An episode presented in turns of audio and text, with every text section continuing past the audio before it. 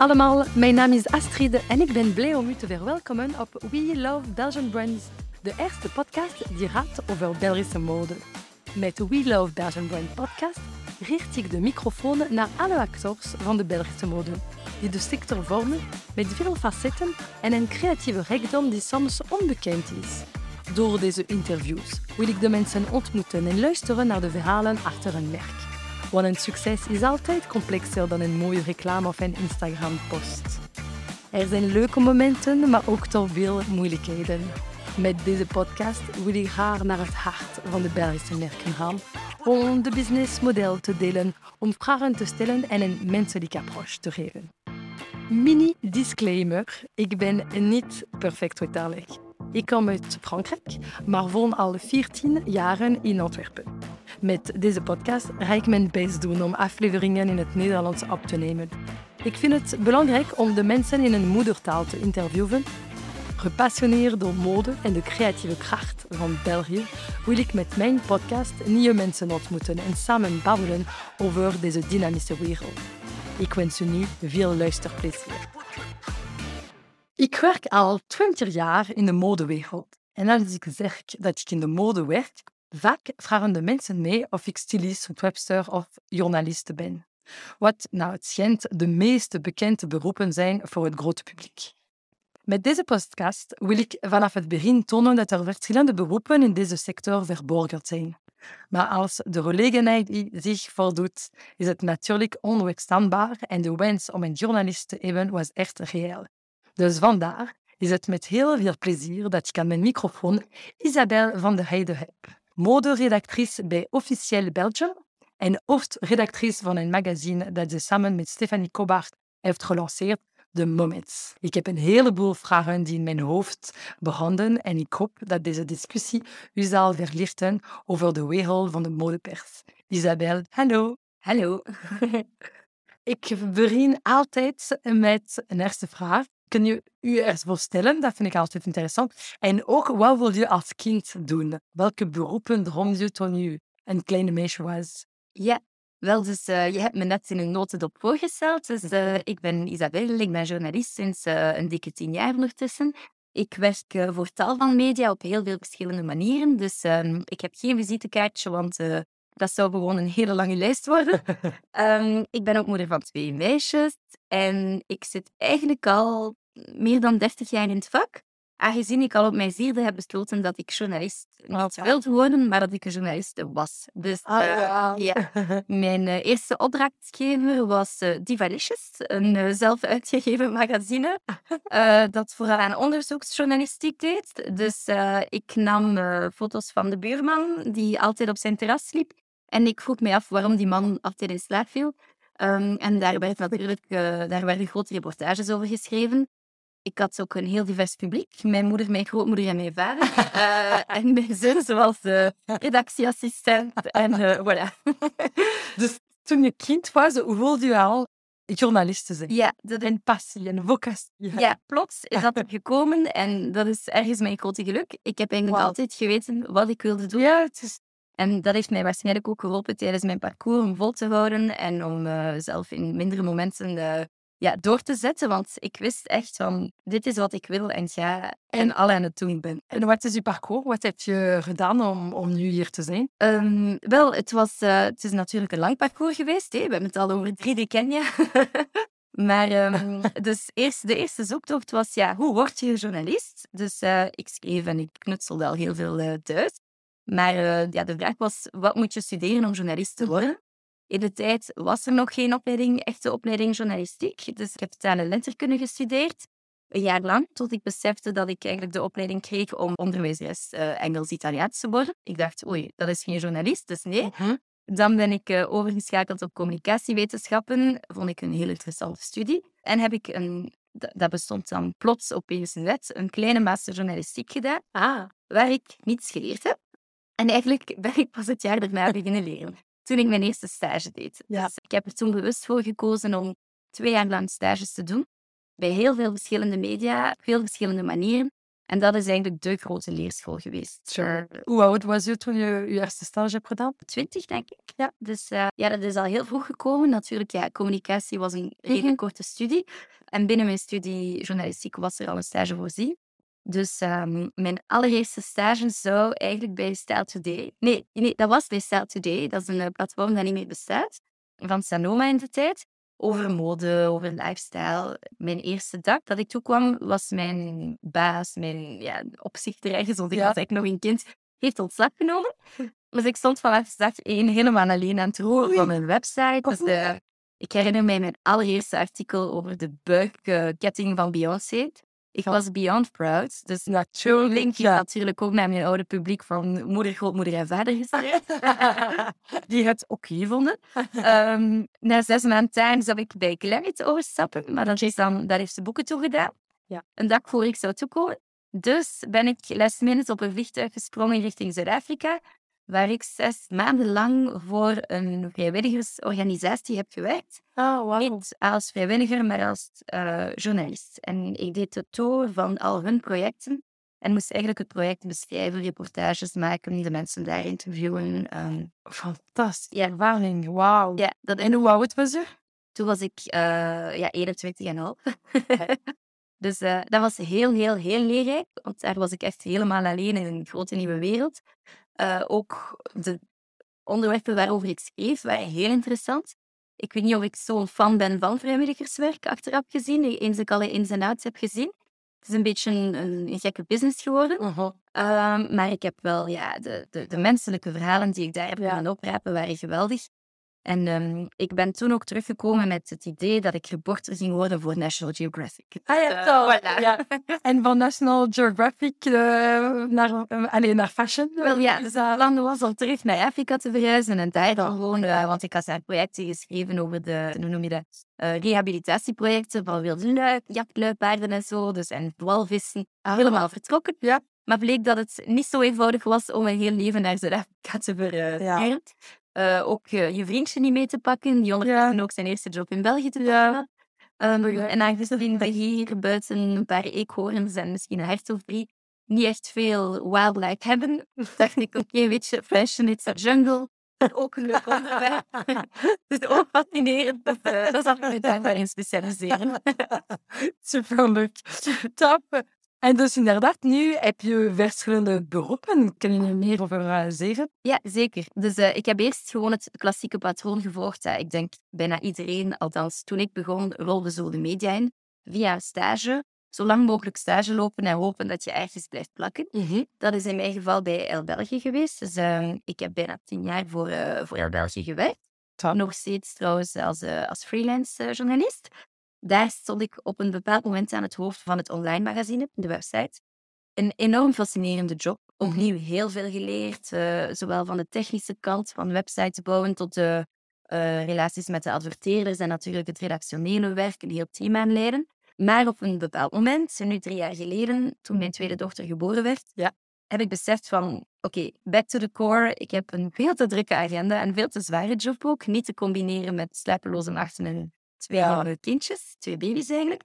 En dus heb ik eigenlijk bewust een stapje achteruit gedaan en gekozen voor een freelance bestaan. Dat mij al heel snel naar de redactie van L'Officiel heeft geleid. Waar ik uh, de Vlaamstalige fashion content uh, voor, mij, voor mijn rekening neem.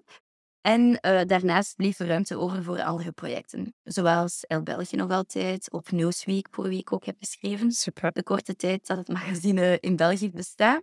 En gaandeweg, naarmate de slapeloze nachten toch iets minder slapeloos werden en de vermoeidheid, zo de nevelen van de vermoeidheid begonnen op te, weg te gaan, kwam er ruimte vrij, zowel in mijn hoofd als in mijn agenda, voor andere projecten. Dus het eerste was de Etiquette. Dat is een modelabel dat ik samen met mijn moeder heb opgericht heel kleinschalig. Dat was eigenlijk um, voor haar een manier om terug in tune te komen met haar creativiteit, die superleuk gigantisch is. Je mag mij creatief noemen, maar uh, zij is echt de, de, de bakermat van alle ideeën. Dat is een ongelooflijke vrouw. Um, En ik had zin om eigenlijk al mijn onderzoek dat ik al jaren doe naar duurzame mode, voor officieel voor El voor Newsweek, heb ik heel veel geschreven en nog steeds over de verschillende praktijken en wanpraktijken in de mode. Dus ik dacht, ja, veel, hoe noem je dat? Veel stoep zonder poep. Dus uh, genoeg praat. Nu is het tijd om dat in de praktijk te zetten. Dus, uh, en daar is het eigenlijk geweldig, want ik ben een beginneling. Ik leer hoe ik stoffen moet sourcen, hoe ik de juiste produ producenten moet zoeken, hoe ik moet verkopen, uh, hoe ik iets aan de man kan brengen, wat de valkuilen zijn. Dus het is een heel, heel, heel boeiend zijproject dat we bewust op een laag pitje houden, omdat we ons leuk en leerrijk willen houden. En Ja. we willen daar geen uh, onnodige druk op gaan zetten, want die is er al genoeg in de modewereld. Hoe kunnen we uw artikels terugvinden? Kan dat? Alle artikelen dat je hebt gelezen over duurzaamheid, is daar iets dat je... En verspreid over al wat media, zowel print als online. Uh, maar ik heb ook net voor de etiket, dat was een beetje mijn therapie tijdens mijn zwangerschapsverlof, een blog opgericht. Ah.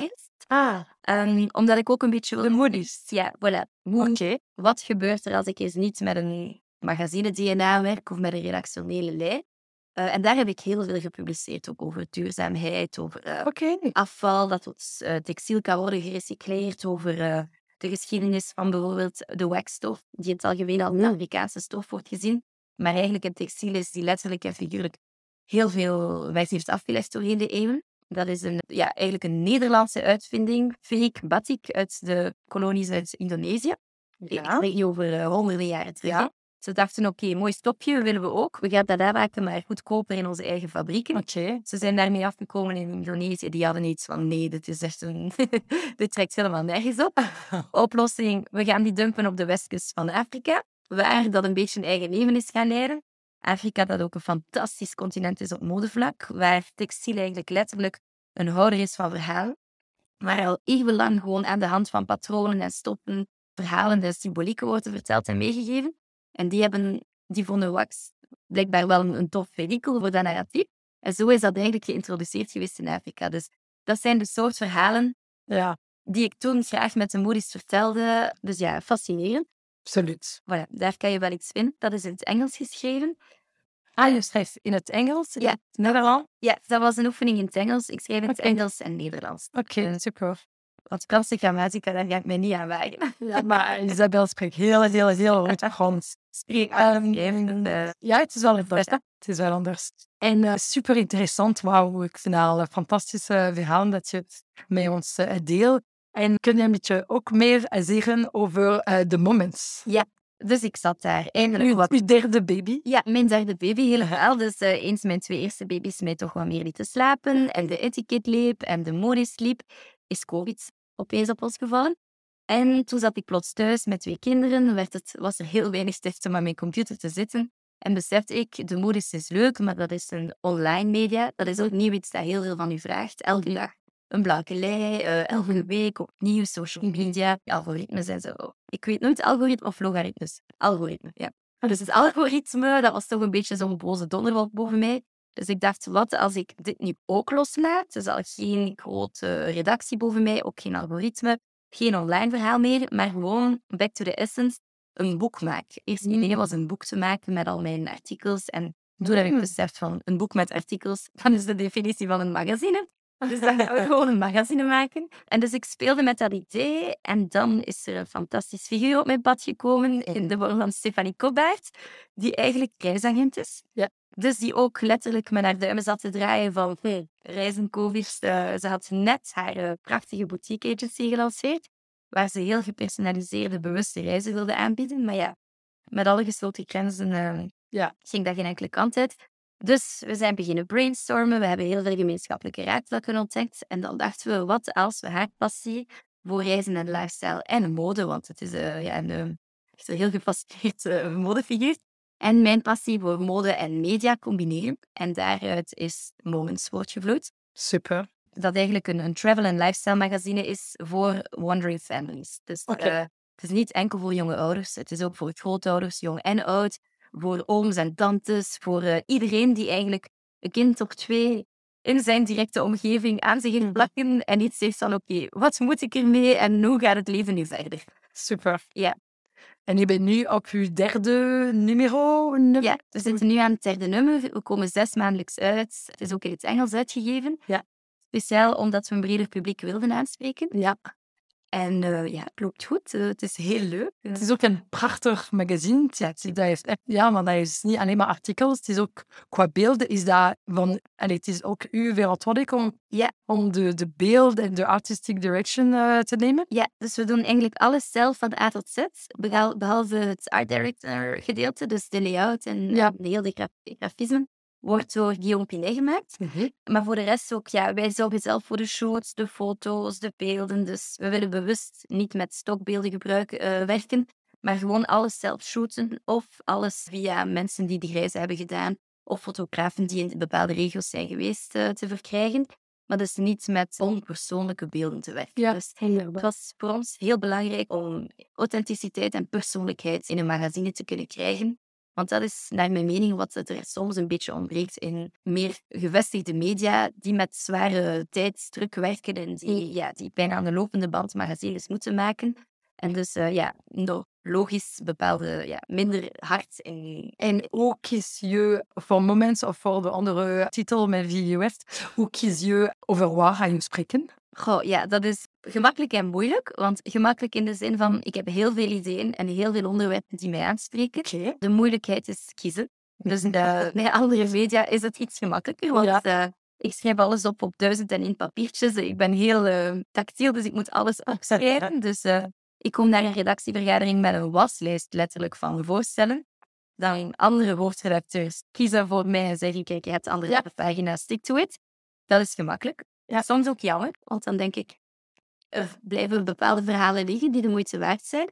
En dat is juist leuk aan Moments, is dat ik nu dingen kan uitschrijven, verhalen kan vertellen, waar, die, waar ik eigenlijk al vijf of soms zelfs tien jaar mee rondloop. Uh, bijvoorbeeld, vorige week zijn we naar een verlaten kasteel in de Pyreneeën gereisd. Een project, een restauratieproject, waar mensen echt uh, af en toe pas kunnen gaan logeren. Je slaapt er in authentiek meubilair, in een Marie Toilet prinsessenbed maar wel met een ingevallen raam en een hangpapier dat van de muren hangt. Oh, dat is echt iets... Ik droom er al jaren van om, om dat ene verhaal te kunnen gaan beleven en neerschrijven.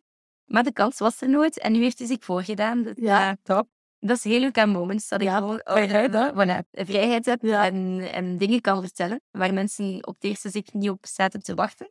Waarin ze op papier staan wel iets hebben van wauw, uh, wauw, we wisten niet dat dit bestond. Uh, dus voilà.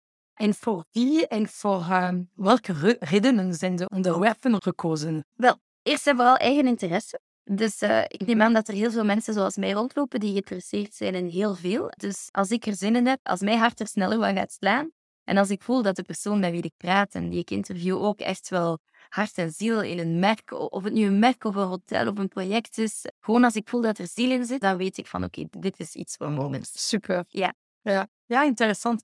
Ik heb ook altijd het gevoel, dus ik werk in de modesector al, al lang en ik lees enorm veel uh, modemagazines. Ik vind dat echt leuk, inspirerend. Maar soms vind ik dat totaal iets anders dan wat ik beleef als de actor van sector. Bijvoorbeeld, en ik, wil haar uw opinie daarvoor hebben. Um, bijvoorbeeld als ik ja, de mensen ontmoet in een ja, random uh, feest, vragen ze, ah, je werkt in de modesector. Ah, zeg maar, um, wat is de nieuwe kleuren voor volgende winter? Of wat zijn de, de beste broeken, de beste fitting? En voor mij dat wil niks zeggen, want ik heb elke seizoen kan ik enorm veel collecties zien en alle kleuren bestaan, alle fitting van jean bestaat. En ik denk altijd dat je moet kiezen wat je mooi voor u is en wat comfortabel zal zijn en niet wat is trendy, ja, overal in de, in de modebladen. Want inderdaad, voor mij, een lila is de nieuw black of uh, geel is uh, de beste kleur ter wereld. Dat is iets van de pest. En hoe, hoe komt dat? Ja.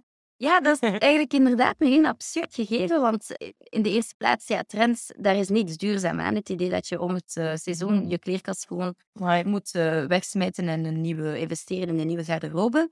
Er is ook niet echt iets persoonlijks aan, omdat mensen eigenlijk gewoon iets willen dragen dat letterlijk op hun lijf geschreven is. Ja. Op hun lijf en op hun ziel en persoonlijkheid. Um, en niemand wil dat, dat morgen iedereen geel nee, en niemand aan heeft. Voilà, ja. Is dat niet leuk? Ja, en het andere absurde is dat er achter de schermen, vooral bij de modepers, al jaren niemand wil over trends praten. En toch gebeurt ja. Dus uh, iedereen die een beetje kennis heeft van mode, weet van trends bestaan eigenlijk niet.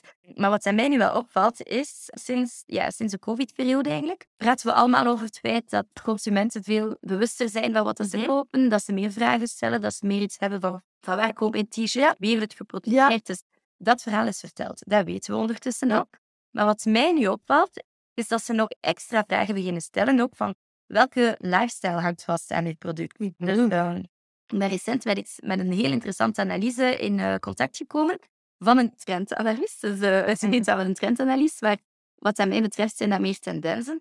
Eh, ze sprak over meditatieve mode. Dus over het feit dat de, een, een tendens, want je mag nooit veralgemenen, momenteel is helende mode, rustige mode, mode die je eigenlijk ook mentale rust biedt, die, als we het dan toch over kleuren hebben, meer richting de kleuren van een avondzon hebben, wolken, licht, roze, pastel, oranje, dat soort dingen. Mode met mooie ronde vormen, hele zachte stoffen. Dus eigenlijk niet de vraag welke trend, eh, in welke trend kan ik mij kleden of van waar komt mijn broek, maar meer van welke levensstijl wil ik aanhouden en hoe moet ik mij kleden om mij goed te voelen binnen die levensstijl.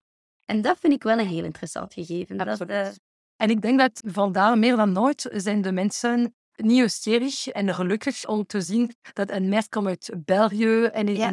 Europa geproduceerd en, en inderdaad bij les, maar van betere kwaliteit ja. is iets die toch nieuw en ik ben zeker dat de pers heeft daar enorm veel geholpen. ja, en die heeft daar ook nog een grote rol in te spelen. Om, eh, Absoluut. Ik heb het nu over die meditatieve mode. We hebben de voorbije jaren heel veel gelezen over de capsule wardrobe. Dus eh, Mhm. het idee van twee broeken en vijf shirts en eigenlijk moet je daarmee je ding doen. Dat is op papier super, maar iemand zoals ik bijvoorbeeld, ja, Nee, gaat ja. niet. Ik ben te... Ik ook. Ik hou van kleur, ik hou van... Ja, Dus dan, voor, voor mij is er ook een andere soort mode weggelegd, die ook heel duurzaam kan zijn. ja, Die ook absoluut. made in Europe, heel conscious kan Ja. zijn. Maar dus, het is eigenlijk leuk. Persoonlijkheid is eigenlijk de nieuwe trend. Dus iedereen moet op zoek gaan naar wat past bij zijn persoonlijkheid en levensstijl. En de rol van de pers is natuurlijk te tonen wat het aanbod is. Ja. Ik denk dat het achterhaald is om één keer per jaar een duurzaam nummer uit te brengen, waarin we 15 merken gaan noemen die op duurzame wijze produceren. Ik denk dat het gewoon belangrijk is om 12 maanden per jaar over enkel en alleen nog maar over duurzame merken te communiceren. En daarbinnen te tonen wat de waaier van verschillende mogelijkheden zijn. De waaier van alternatieven ook. Of het nu van de productie gaat tot de manier waarop iets verkocht wordt. Of de seizoenen waarop iets verhandeld wordt. Dus ja, dat is eigenlijk een hele nieuwe wereld. Het is waar. Het is geen nieuwe wereld, hij bestaat. Maar het is aan de pers om, om ons bij de hand te nemen en, en daardoor te leiden. Ja, inderdaad. En het is niet enkel aan de pers om te zeggen, ah kijk, het is Belgisch, dus het is Ja, ja. een beetje meer dieper te gaan. Ja. Inderdaad, een beetje meer authenticiteit. En, en eh, ja, uitleg te geven. ja, absoluut. Eh, Bijvoorbeeld ook als we het dan toch over trends hebben. eh, trends uit te leggen van. Bolle popmouwen, die hele grote popmouwen die Ja. vooral tijdens COVID plots zo intens aanwezig waren. Waarom? Waarom hebben we de nood om, zo, om, om zoveel druk nog meer op onze schouders te zetten? Waar komt dat? Dus, eh, er is altijd een hele leuke geschiedenis aan verbonden en ook een heel leuk psychologisch aspect. En denk je dat iedereen van dat interessant? Ik vind dat fantastisch interessant, maar Goh, ik denk dat als je mij eh, laat gaan, dan schrijf je daar zes pagina's over en dan gaat de 80% van de mensen iets hebben van oh, dat is te lang, je bent me kwijt bij Valinja zo. Dus er is een publiek voor alles Ja. en er zijn ook manieren om... Je kan alles zeggen, er is gewoon een manier waarop. is waar. Sommigen gaan het graag via een podcast horen, anderen in een heel kort geschreven stukje, nog anderen in, Ja. eh, in dan een meer uitgebreid stuk, waar je wel op zit te wachten. Maar eh, er, is, er zijn gewoon heel veel manieren om... om te Heb je al over eh, Belgische mode eh, geschreven? Ja, natuurlijk. Ja. Dus, eh, dat is bij de officieel dan weer een beetje mijn missie. Is om Ja, echt de verhalen van hier eh, naar boven te rakelen. Dus eh, En wat probeer je te zeggen over eh, Belgische mode? Wel eigenlijk een beetje hetzelfde verhaal als wat ik zo net zei. Eh, Belgische mode wordt heel vaak, vooral in het buitenland dan, gereduceerd tot de zes van Antwerpen Mhm. en een bepaalde look. Onze discretie, onze soberheid, Mhm. onze elegantie. Maar ja, de zes van Antwerpen natuurlijk we moeten, allee, heel onze legacy komt van hen, we moeten hen heel veel, maar onze geschiedenis bestond al voor hen. Dus al sinds de middeleeuwen dat wij een mode textielland Ja, En Antwerpen en Brussel zijn ook niet de enige polen. Er zijn ook Brugge, een Glen Martens die uit Brugge komt. eh Kortrijk, Stefanie. Dus ik heb zin om te zeggen, het is niet de zes van Antwerpen. Hun legacy zijn de 6000 van alle, alle provincies. absoluut. Dus er is zoveel te vertellen. Er is ook zoveel meer dan enkel de Belgische stijl. Die bestaat uit 101 zijpaden. Ja, en wat wil dat zeggen? Voilà, en stel je, er is een boot aan die glitterjurken maakt, en Ja. ontwerpen, dan heb je een, een stijfdijger in het absurde. Allee, het, eh, Mhm. niet absurd. Wat is de mooie term? Ooit of... eh, Ja, nee. Goh, ik ben niet het woord kwijt. Maar Surrealistisch. die, voilà, surrealistisch. Voilà, de surrealistische ontwerpen maakt. eh, er zijn eh, ontwerpers die... Ja, er, er is zoveel Ja, creativiteit en zoveel diversiteit. Maar het leuke is, dat is wel het ding van de Belgische mode. Er is een soort van drive en creativiteit die volgens mij voortvloeit uit het feit dat we zo chaotisch soepland zijn.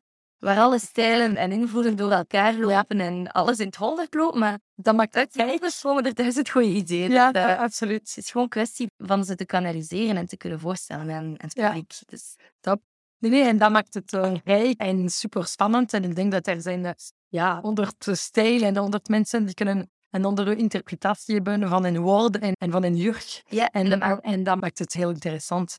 Ja, ik wil een beetje meer weten van de modewereld, de modepers. Wat is volgens u het doel van de modepers? Want er is ja, natuurlijk de realiteit dan. Je moet exemplaren verkopen of abonnees krijgen. Maar hoe, hoe doe je dat? Wat zijn de uitdagingen van de pers in de mode voor eh, vandaag? Eh, die zijn groot. Ja, van de prijs van het papier tot het vinden van adverteerders, Ja. het verkopen van eh, bladen, die zijn gigantisch.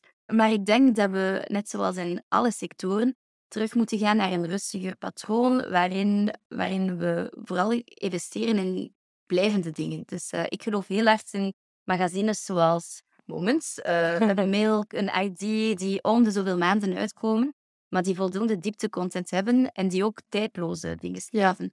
Dus geen, ik heb het gelezen, ik smijt het weg, blaadjes, maar echt, ja, bijna essays. Ik, ik ben een grote fan van essays eigenlijk. Dus hele mooie shoots waar je maanden van kan genieten. Teksten die je even kan laten liggen op je koffietafel dan, die liefst ook heel mooi in vorm gegeven zijn.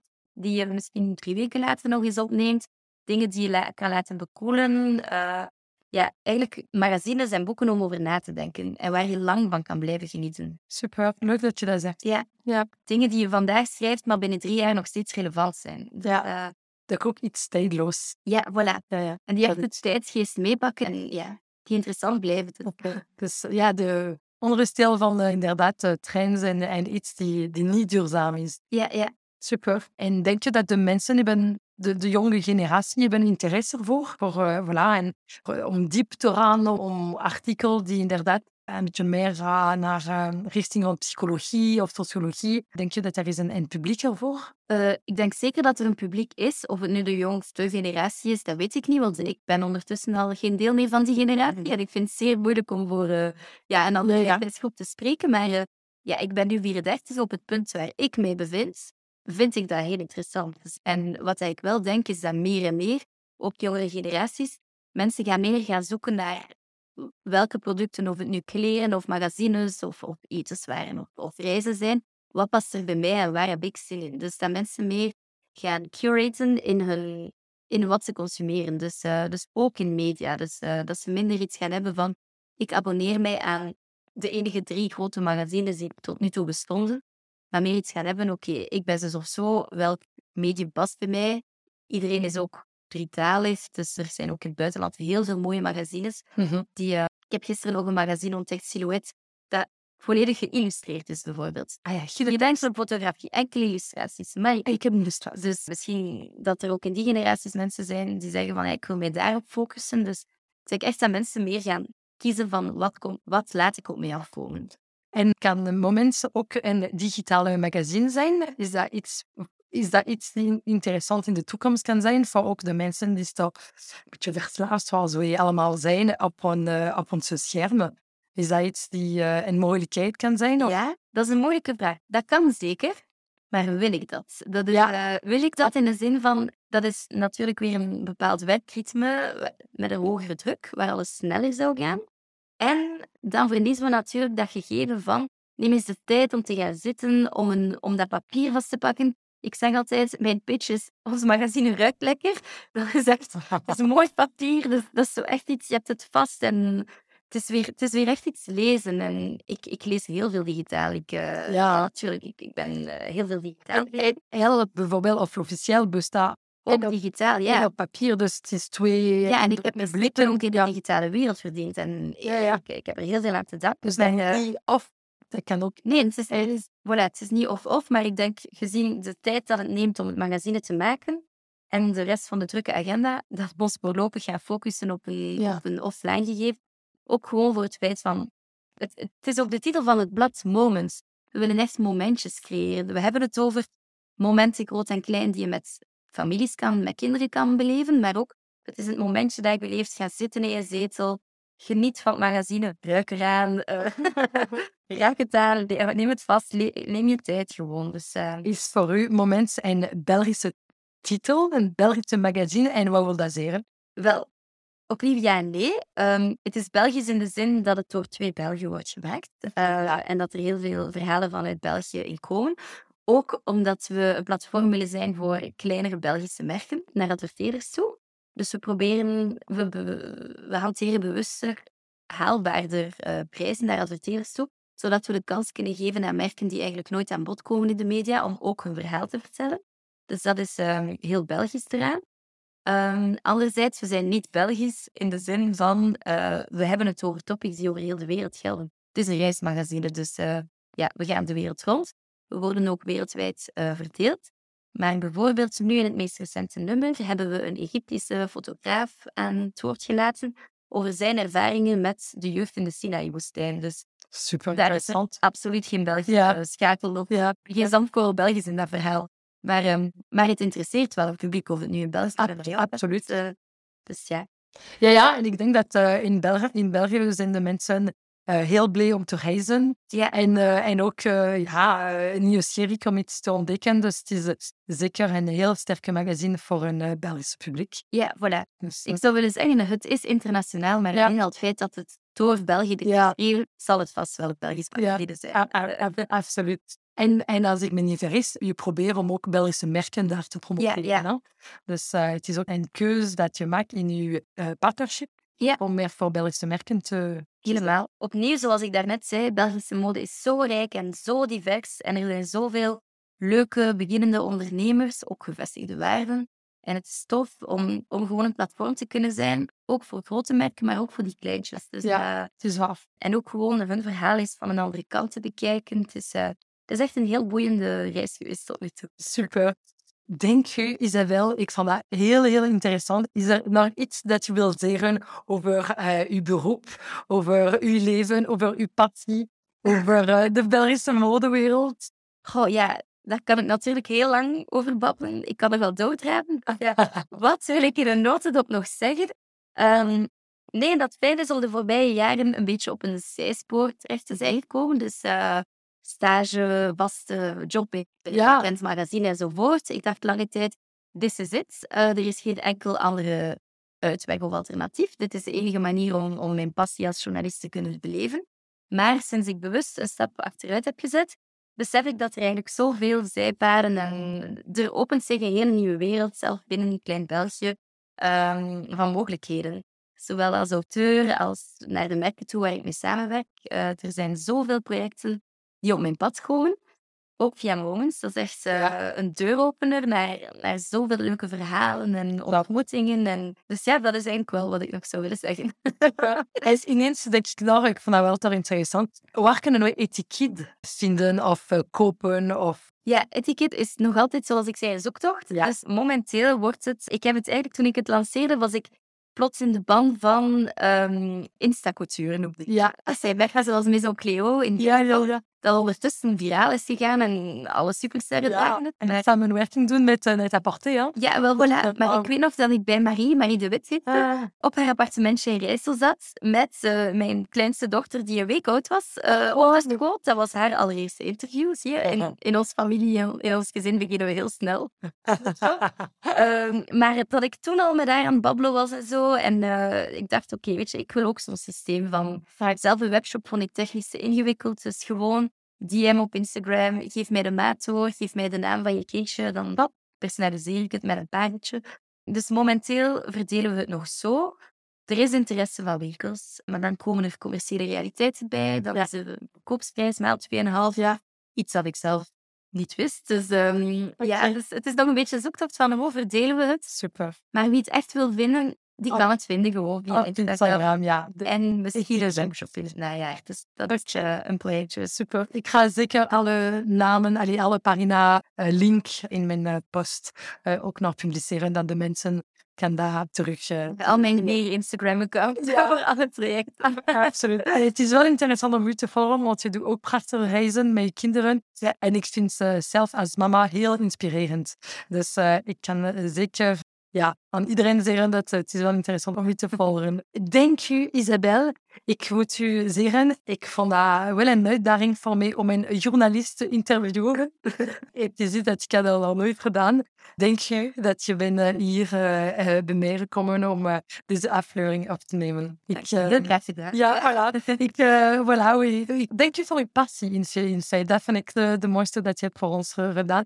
Spreken met zoveel passie. Ah ja, maar ik kan het compliment echt terugkaatsen, want uh, wij hebben elkaar ontmoet tijdens een lunch. Jij zat Ja. aan tafel naast mij. Ja. We hadden elk onze eigen... By accident, zo? Ja. En nu plots tussen de hummus en de, en de patatten door zijn we bij elkaar komen zitten. hè. Ja, Ik weet niet precies hoe het is gebeurd, maar het was een toffe ontmoeting. Ja. En, eh, en je hebt ook heel veel passie, dus het is altijd leuk om, eh, om te kunnen pingpongen op dat vlak. Nou, één vraag in is dat ik wil altijd eh, aan mijn invitees en mijn gasten eh, vragen, is wie wilt u horen op deze microfoon? Heb je iemand van de modewereld dat je zou ook graag eh, naartoe willen luisteren?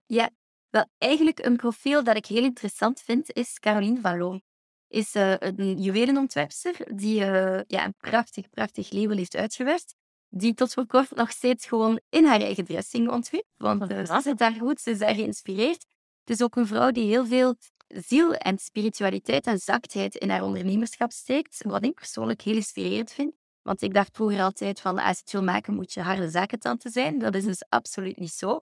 En het is ook iemand die jonge starters, of het nu ontwerpers of journalisten of anderen zijn, echt met heel veel liefde en plezier een duwtje in de rug geeft. Dus dat is iemand van wie we heel veel kunnen leren. Oké, dank u. Ik ga zeker de naam noteren en eh hoop ik misschien om haar te kunnen eh, ontmoeten en eh, interviewen. Ja, zeker. Dank u, Isabel. Tot ziens.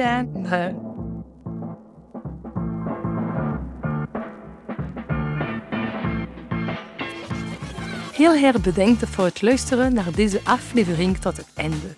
Ik hoop dat je ervan hebt genoten. En als dat het geval is, nodig je uit om het te delen en het met vijf sterren te beoordelen. Het zal mij heel helpen om meer zichtbaarheid te verwerven. En als je mensen of projecten hebt om mee voor te stellen of je hebt vragen, aarzel dan niet om mee te vinden op mijn Instagram-pagina we underscore love underscore underscore brands. Ik zie je over 15 dagen voor een volgende aflevering.